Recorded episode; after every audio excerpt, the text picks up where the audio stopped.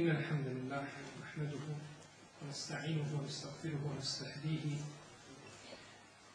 ونعوذ به من شرور أنفسنا ومن سيئات أعمالنا من يهده الله تعالى فهو المهتد ومن يضلل فأولئك هم الخاسرون وأشهد أن لا إله إلا الله وحده لا شريك له وأشهد أن محمدا عبده ونبيه ورسوله وصفيه من خلقه وخليله رب اشرح لي صدري ويسر لي أمري واحلل عقدة من لساني يفقه قولي ثم أما بعد Mi smo govorili u tri dijela o odlikama imama Buharije, počevši od njegove rane mladosti i završivši sa smrti ovoga velikana Ebu Abdillaha, Muhammeda ibn Ismaila, ibn Ibrahima, ibn Al-Mughire, ibn Berdizbe, Al-đu'fi, Al-Bukhari, rahimahullahu ta'ala. Pa smo spomenuli da ćemo govoriti nešto o njegovom dijelu Sahih, Sahih al-Imam al-Bukhari, jer je to zaista najveći plod njegovog rada pa bi bilo nepravedno govoriti o imamu Buhari, a da se ne spomene ovo veliko dijelo koje je napisao ovaj velikan. Imam Buharija je poznat po mnogim svojim dijelima koje je napisao, kao što je njegov sahih, potom Anadebul Mufred, potom Tavarihu Thalase, tri njegove povijesti, mala, srednja i velika, Halko je falila خلق أفعال العباد رفع لديه في الصلاة القراءة خلف الإمام علل الكنى مسند الكبير الفوائد sahabe i druga djela koja je napisao imam Al-Bukhari. I najbolje i najvrednije djelo koje je napisao imam Bukhari jeste njegov sahih. Sahih al Bukhari koji se zove al đamiu al Musned al Sahih المختصر من أمور رسول الله صلى الله عليه وسلم وسننه وإيامه ويكون طيب، إما البخاري صحيح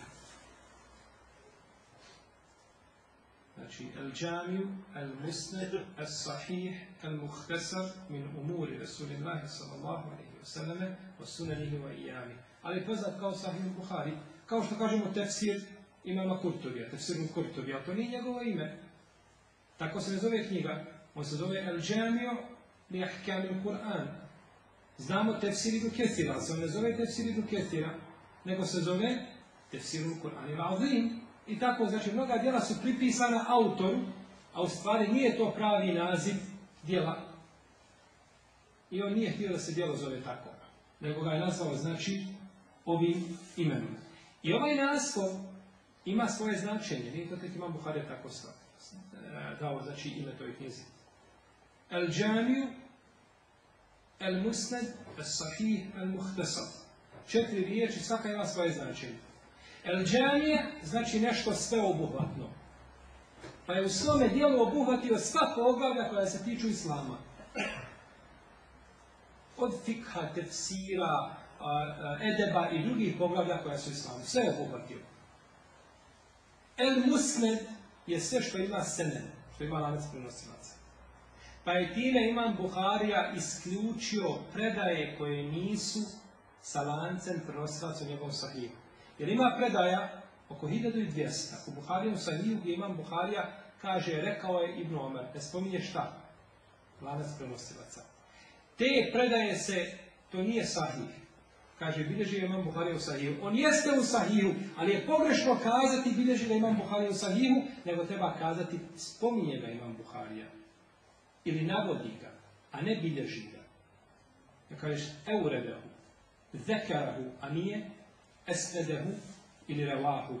Pa je to precizno, znači to je jedan detalj koji je vezan za, a, za menheđi mama Buharije, budući da je tako nazvao svoje djelo. El, znači, el džamiju,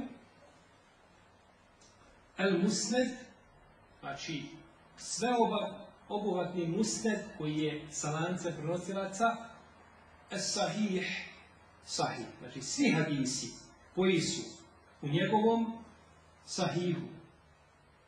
Kako? Sa lancem prenosilaca zabilježeni su kod imama Buharije šta? Sahih. To je znači sahih. El muhtesar, u nama se razilazi ima, ali ova riječ je nema, jedna kada kaže da nema, drugi kažu da ima u nazivu, nije bitno, muhtesar znači skraćeno. Ispravno je da ima, jer Imam Buharija zaista nije htio, vidjet ćemo kasnije ćemo to spomenuti, nije htio da ovaj, čini ovaj sahih nešto obimnim, nego je skratio koliko je mogao. Pa je znači ovim naslovom Imam Buharija kazao što je knjiga. I uvijek treba iz naslova da zaključi što je u knjizi. Da ne bude znači naslov nekakav nepoznat čovjek ga pročita i ne interesuje ga možda mu nije naslov privlačan, nego da bude naslov da ti daje otprilike a, tematiku određenog dijela. Imam Buhari u svome sahihu je zabilježio 7563 hadisa sa ponavljanjem. Neki kažu da ima 7275 kao u Salaha, kaže im da ima 7397. U svakom slučaju, bez ponavljanja, u i u Sahihu imate 2513 hadisa. Bez ponavljanja. Pogledajte 3513 risa, Nije ih problem na pamet naučiti. A koliki je Allah te barak dala bereket dao u toj knjizi? Što je god da progovoriš, bilježi Buharija. Bilježi, pa kao da ima 100.000 hadisa u toj knjizi. A ne 2530. A uvijek Buhari, nikada iscrpiti. I uvijek pričamo i spominjamo Buhari. I 100 godina da pričamo, uvijek imamo da spominjamo ovo Buhari. To je bereket koga je dao uzvišenje Allah te barak u, u ovoj knjizi. Razlog pisanja njegovog sahiha bio je to, kako spominje Al-Fatib al-Bagdad ibn Hajar, da je sjedio kod Ishaqa ibn Rahawaya. A Ishaq ibn Rahawaya je u to vrijeme bio poznat imam sa imamom Ahmedom. Pa imam Buhari bio kod njih, kaže, pa je neko prisutni dao prijedlog, kaže, zbog čega ne bi napisao jednu knjigu koju ćeš sakupiti hadise poslanika sallallahu kaže, pa sam tada odlučio, odnosno dopala mi se ta ideja, kaže, pa sam počeo sa prikupljanjem ove knjige. Ovaj prijedlog koga je dobio od jednog od prisutnih, poklopio se je nakon toga sa e, snom koga je ustao na Buharije. Spominje imame na u svom te Tehzibu sma, da imam Buharija usnio jedne večeri kako a, je stoji ispred poslanika sa i lepezom ga hladi, znači maše ispred njega sa lefezom. Pa je otišao kod jednog čovjeka koji mu je protomačio taj san, pa kaže, ti odbijaš sa poslanika sa sve laž.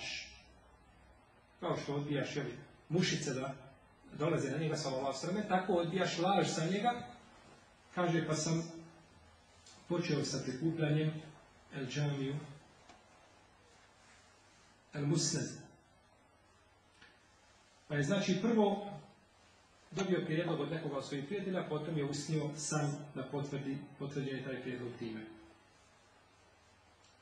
Kaže Imam Buharija, sakupio sam ovaj Al-đamir Musar, Sahih Muhtasar, od 600.000 hadisa. Imao sam ispred tebe, sebe 600.000 hadisa i iz njega sam izvukao ovih hiljada koje sam stavio u pa je li htio, je li htio onda imam Buharija da bude muhtesar, da bude skraćen? Svakako, mogao je napisati 600.000 hadisa da su tuši svi. Da ne možemo otvoriti. Kao što imam Ibn Hibban napisao svoj sahih i nared, poredao ga tako da ne možeš nikako naći hadis osim da naučiš knjigu na pamet. Kad naučiš Ibn sahi sahih na pamet možeš naći hadis, drugačije ne možeš. Kao da je htio kazati, ovu knjigu ne smije dijeliti onaj osim koja je zna na pamet. A koja ne zna, neka joj ne prilazi, to nije za njega. Pa je Ibn Belban poredao Ibn Hibanov sahih po poglavima fikski pa olakšao da se mogu ovdje istražiti. I uradio je dobru stvar s jedne strane, a s druge strane nije. S jedne strane je dobru stvar uradio što je poredao sahih da se lahko mogu doći hadisi. A s druge strane je uradio suprot onome što je htio ko? Autor autor je to mogao lahko uraditi da je htio.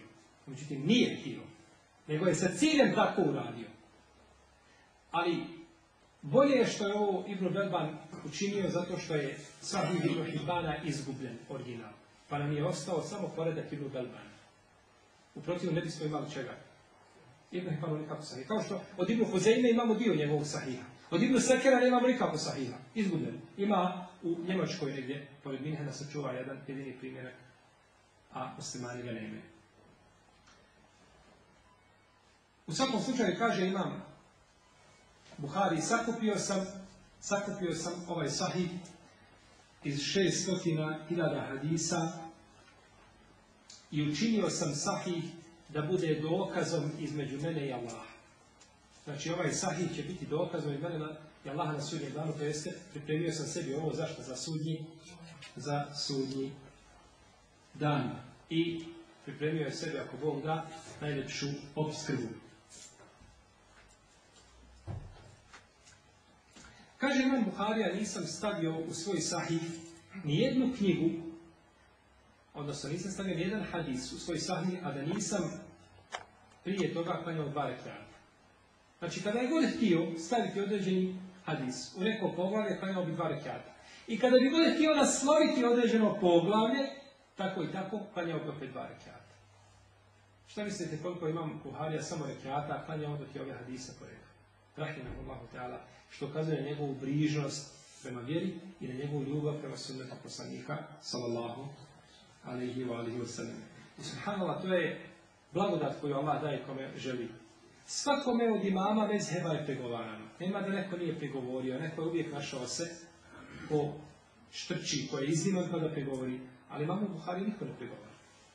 Čudno, svako voli Buhari. Allahu, dragi, ja sam šija. Ja sam šija. Oni kažu da su hadisi Buhari da sto priče za malu djecu. Sto bajke. Kaže Mohamed ibn Veser Sidzi, bio sam, kaže, u Pasri, u Međlisu kod Sulemana ibn Harba.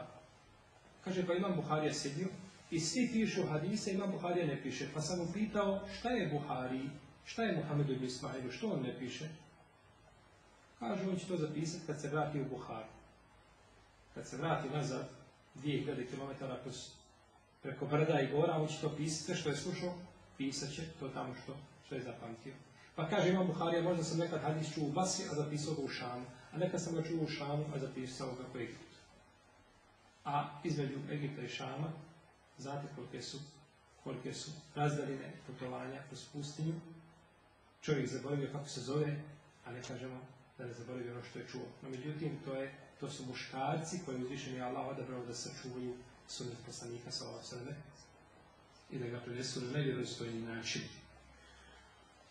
Kada je napisao svoj sahih u toku 16 godina, 16 godina je sjedio i pisao svoj sahih.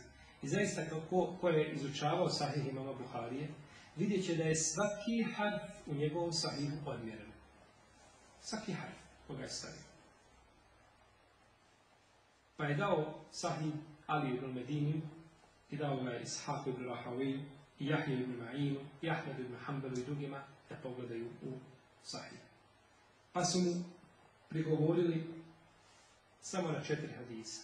Kaže četiri hadisa ne bi trebala biti u njemu.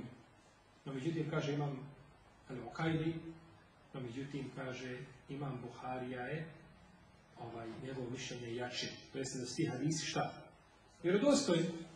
I zaista nisu ovi imami, koliko god bili jake, nisu mogli ovaj, stati imamu Buhari kada je u pitanju hadis, hadiska nauka. I nije se rodio taj u istoriji islama, još, ali se rodio sigurno, koji je mogao stati sa imamom Buharijom kada je u pitanju hadis. Kao što imam Malik uradio kada je pisao Muvetu, nakon 40 godina, dao je Muvetu da je pregleda 70 papiha u Medini.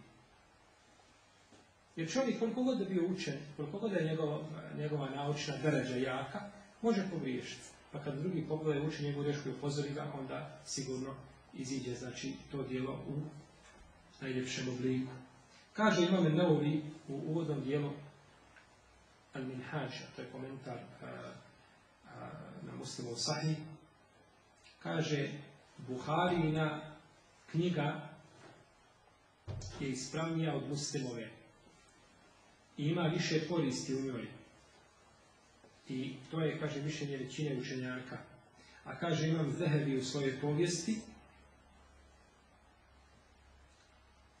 Buharin Sahih je najbolja knjiga koja je napisana u islamu nakon Kur'ana. Znači, nakon Allahove knjige nema u islamu bolje i vrednije knjige od Buharina Sahih. I kaže nam Neuvi, ponovo u ovom uvodnom dijelu, kaže, složili su islamski učenjaci da su Buharija i Muslim, misli sa njihove knjige, Sahih Buhari, Sahih Muslim, da su to dvije najispravnije knjige i zbog toga su se, kaže, njima bavili islamski učenjaci više nego drugim dijelima. Malo ćete naći komentara na, na Sunan i na Sunan Nesaije. Ne znam da uopće ima kompletan komentar na Sunan Nesaije, da je učenjaka nešto pisao, opširano, međutim, kompletan Nesaija, ne znam da li Ebu Dawud ima nešto komentara, ima, a, ima Sunan no međutim, ono što imaju Buharija i Muslim, to se radi preko stotine komentara. Samo što su mnogi izgubljeni, nisu znači sačuvani, nisu došli do nas. Jer ove dvije knjige su imale dva bitna svojstva, a to je da su bila poznata djela, i da su poznata među ulemom i da su bila ispravna. Pa su im zbog toga posvetili posebnu, posebnu pažnju. Kaže Šeho Islam Ibn u svojim fetama u 20. tomu, 321. strani, ono oko čega su složni učenjaci je da poslije Kur'ana nema vjerodostojnije knjige od Buharinog i muslimovog sahiha. Tako kaže Al-Raqi, i Ketir, Ibn Hajar, Sakao i Sujuti i drugi. No međutim, neki kažu Imam Šafija je rekao Ma a'lamu tahte edimi sena kitaben ba'de kitabillah as saha min kitabi al imam Malik. Ne znam, kaže, pod nebeskim sodom, da ima knjiga koja je ispravnija od Muvate i Mama Pa su kazali, kako to da imam Šafija, takav poznavaoc hadisa, daje prednost Muveti nad čim? Nad sahihom imamo Buhari.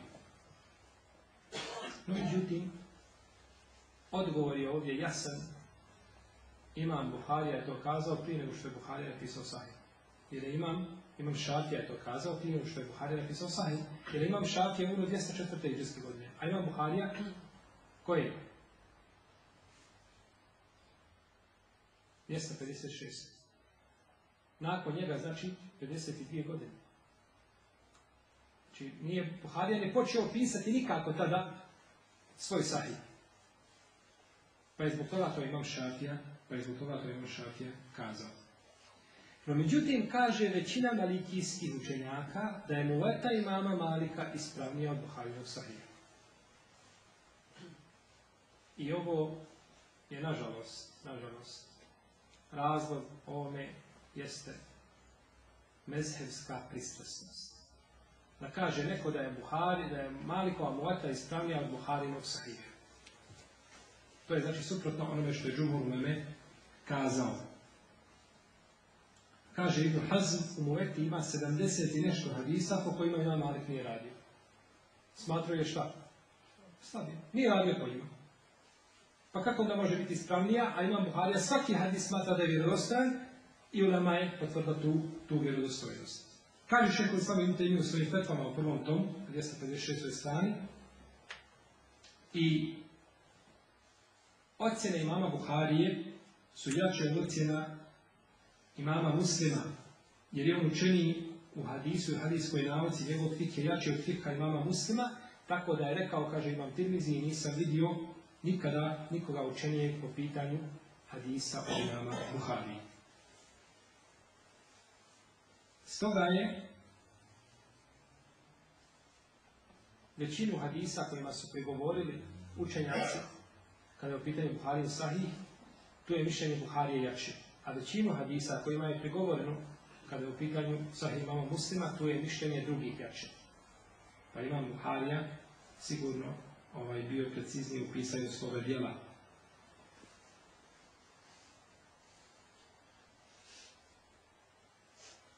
Neki kažu da imam Buharija u svome fiku slijedio šafiju. Znači da je bio šta? Šafijskog mesela. Što je pogrešno. Imam Buharija nije sledio određeni mesel, Imam Buharija je sledio Kur'an i Sunnet i on je bio veliki fakih, tako da neka ulema čak smatra da je bio jači u fikhu od imama Ahmeda. I od Ishaqa i Durahaoja, i od njima slično. Da je bio čak u fikhu, znači hadis je jasan. A što se tiče fikha, čak daje mu prednost nad, nad ovim imamima. Ima nekoliko razloga zbog kojih je Buharin sahih ispravniji od muslimovog sahiha. Prvo, kada su u pitanju ravije, Imam Buharija bio žešći, pa je odvojio se od muslima sa 435 prenosioca, a prigovoreno je njima 80 samo. Dok se ima muslim odvojio sa 620 ravija, a prigovoreno je 160, pa je znači veći prigovor. Imam Buharija bilježi hadise samo od prve skupine prenosioca, to su prenosioci koji imaju jaka pamćenja, koji su imani i hafizi, jaki, koji su se drugo dužili sa svojim šehovima, imali jaka pamćenja, poznati kao učenici dobri, od njih prenosi iz te prve skupine. A u drugu skupinu koja ima malo nešto slabije pamćenja, ali isto tako jako, silazi samo po potrebi. Bilježi od prve skupine a u drugu silazi po nužnoj potrebi. Dok imam Buharija bilježi od prve i druge, a silazi u treću po nužnoj potrebi. Iako je treća isto tako pouzdana. No, međutim, što god silaze te deređe, biva šta? Preciznost od slabije. Pa je mogućnost da pogriješi šta? Veća. Pa je tako s te strane, znači, Buharija je bio jači. Isto tako, Imam Buharija uslovio jedan šart, uvjet koga ne znam da su uslovili drugi učenjaci. A to je thubutu Lepa, da je potvrđeno da su se dvojica ravija srela. Kada govorimo o vjerodostojnom hadisu, ima pet uvjeta. Jedan od tih uvjeta je da bude spojen lanac prenosilaca, to je se da je jedan ravija čuo šta od, od drugog. Kod islamskih učenjaka ako bi jedan ravija kazao, čuo sam toga i toga, da je rekao. Ili od toga i toga. A zna se da su njih dvojica iste godine obavili hač.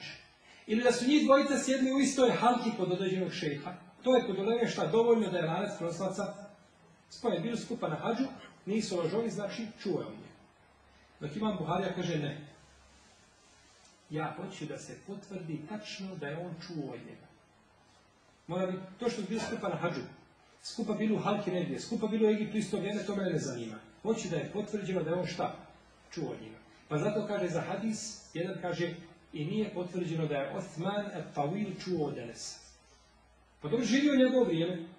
dolazi u Medinu, Enes boravio u Medini, odlazi u Šam, ovaj bio u Šam, Zbog čega? Kaže, ne, mora se potvrdi da je čuo. Pa ima, šart imama Buhari je tu šta? Sigurni i jači.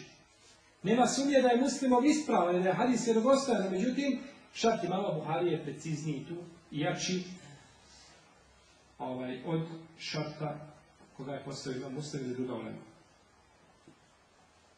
Isto tako broj hadisa kojima je pregovoreno u Halinom sahihu je puno manji nego broj hadisa kojima je u muslimom sahihu.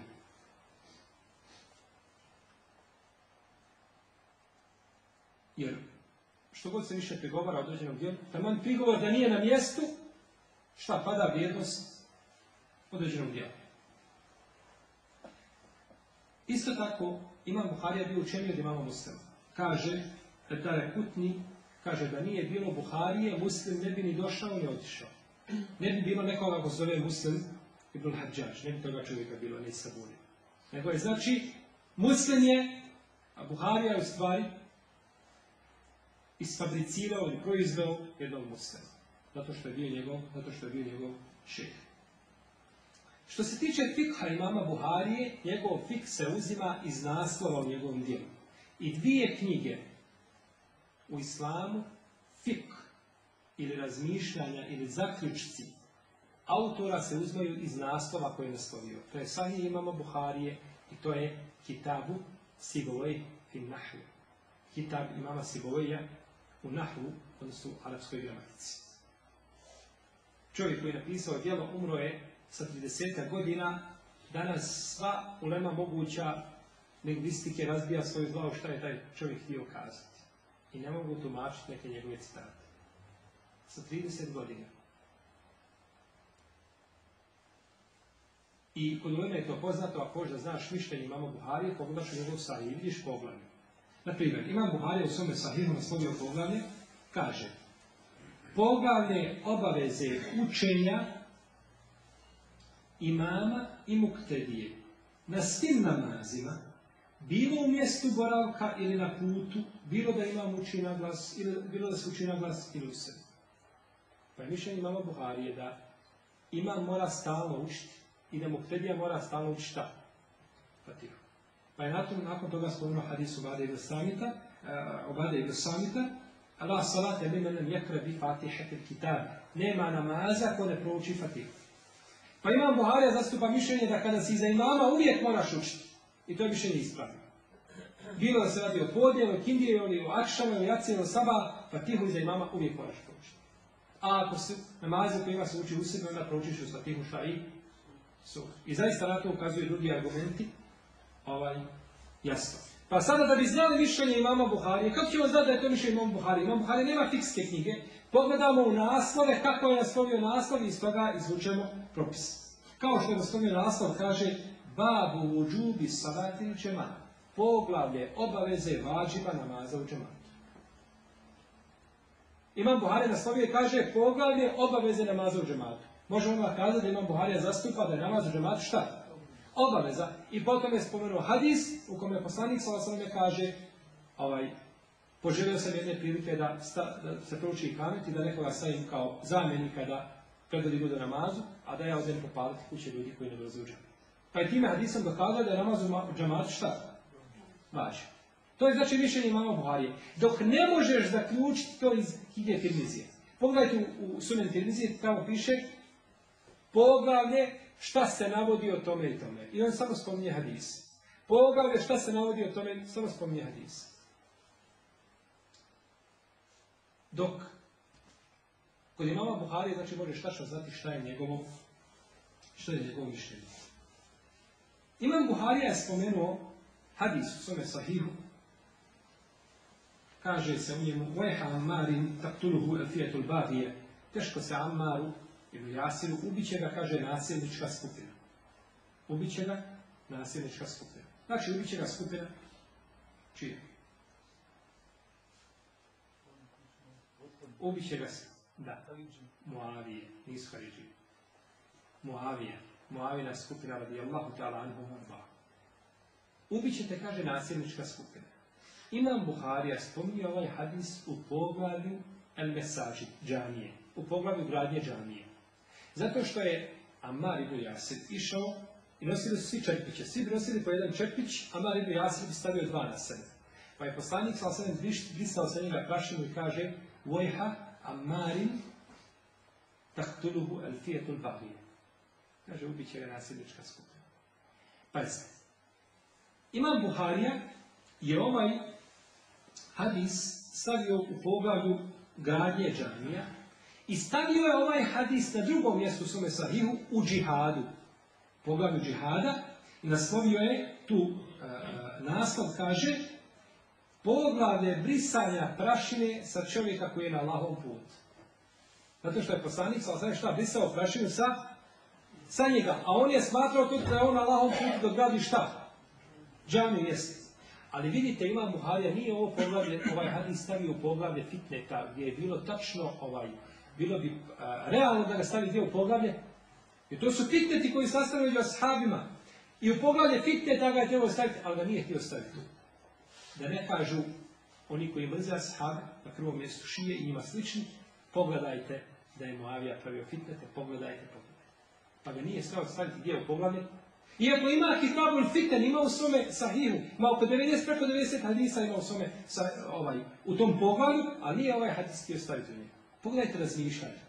Svaki hadis znači je odmjeren, tačno gdje je došao. I kada neko pogleda pa kaže ome hadisu je bilo mjesto u drugom poglavlju, jeste možda po našim vidjenjima. Ali imam Buharija, njegova razmišljanja su bila duga pa ga nije htio staviti na to, na to mjesto. Imam Buharija je u svome sahihu ponavljao neke hadise na puno mjesta. Ponovi hadis 2, 3, 5, 10, 15 puta.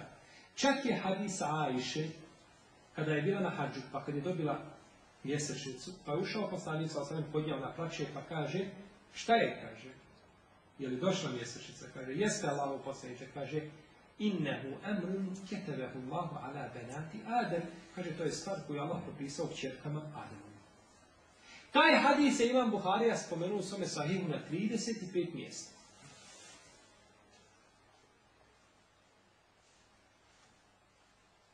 znači, na 35 mjesta i naslovio je preko oko 30 poglavlja različiti Što znači da je iz jednog hadisa izvuku koliko koristi? 30. Hajdemo mi uzeti ovaj hadis razmišljati, možda jedno, dvije, tri, pet, ako učemo koristi, umr glave. I možda će se podudarati sa nekim drugim, ne može se. Imam Buharija iz jednog hadisa 30 koristi. Znači. Ja sam išao ove hadise od jednog do drugog i gledao lanca, prenoslaca i tekstove. I nigdje nije isti. Pazite, nigdje lanac prenosilaca i tekst hadisa nije isti. Svugdje se razgleda. Pa nije samo bilo obično ponavljanje, nego kad god ponovi dadne ti korist ili u lancu prenosilaca ili gdje u, u tekstu hadisa. Nije znači bilo ponavljanje, hajde da ispačam hadis da ga ponovim, da nakonim knjigu, da ispunim stranice mastilom.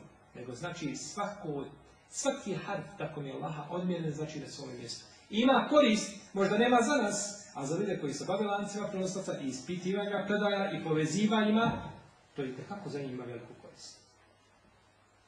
Pa je znači to, to ponavljanje, a da ne, da ne bi kazao, dobro, imamo 2513 hadisa, imamo, imamo 7500 i nešto hadisa, zbog čega li je ponavljao? Iz tih korist, iz svog razloga. Pa ponekad spomne hadis u potpunoj verziji, ponekad Imam Buharija skrati, ponekad spominje sa drugim lancem prenosilaca, sa kraćim, sa dužim, znači dolazio je sa koristima koje su znači, poznate kod hadijskih Imam Buharija je samo na devet mjesta u svome sahihu ponovio, ponovio, a, ponovio poglavlja ili naslove kojih ima na hiljade, on je samo na devet mjesta ponovio to u svome sahihu i nije više to toga ponavljao. I spominjali smo da ima Buharija ima nešto zove a to su predaje koje nemaju lanca prenosilaca.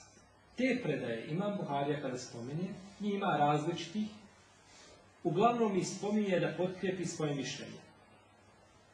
Uglavnom mi spominje da potkrijepi svoje mišljenje, za razliku od imama televizije.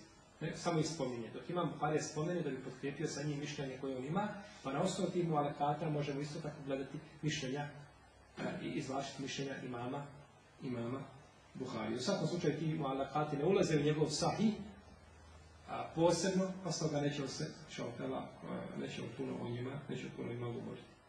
Ja sam donio sa sobom jednu knjigu koja govori o dva sahiha.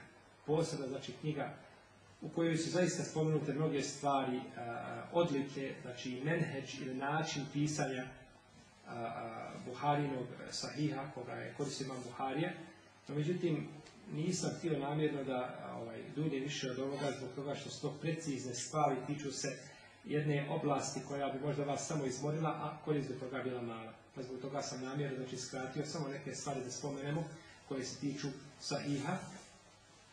I zaista o sahihu se pišu i dan danas, pišu se doktorske desertacije u u tomovima, znači o samo određenim dijelovima, znači menheđa koga je koristio Imam Buharija i pisat će se Allah najbolje zna dokle, jer je to zaista jedno neiscrpno more i emanet koga Imam Buharija ostavio svima nama, jer on nije pojasnio svoj menheđ jasno, pa je ostalo meni znači da otkrivaju kakav je to menheđ koristio Imam Buharija pri pisanju, pri pisanju svoga sahiha, Molim Allah te barake da nas pouči sunnetu poslanika sallallahu alejhi ve i da nas spoji sa Imamom Buharijom وجنة أصحاب مقصانيك صلى الله عليه وآله وسلم والله تعالى أعلم وصلى الله على نبينا محمد وعلى آله وأصحابه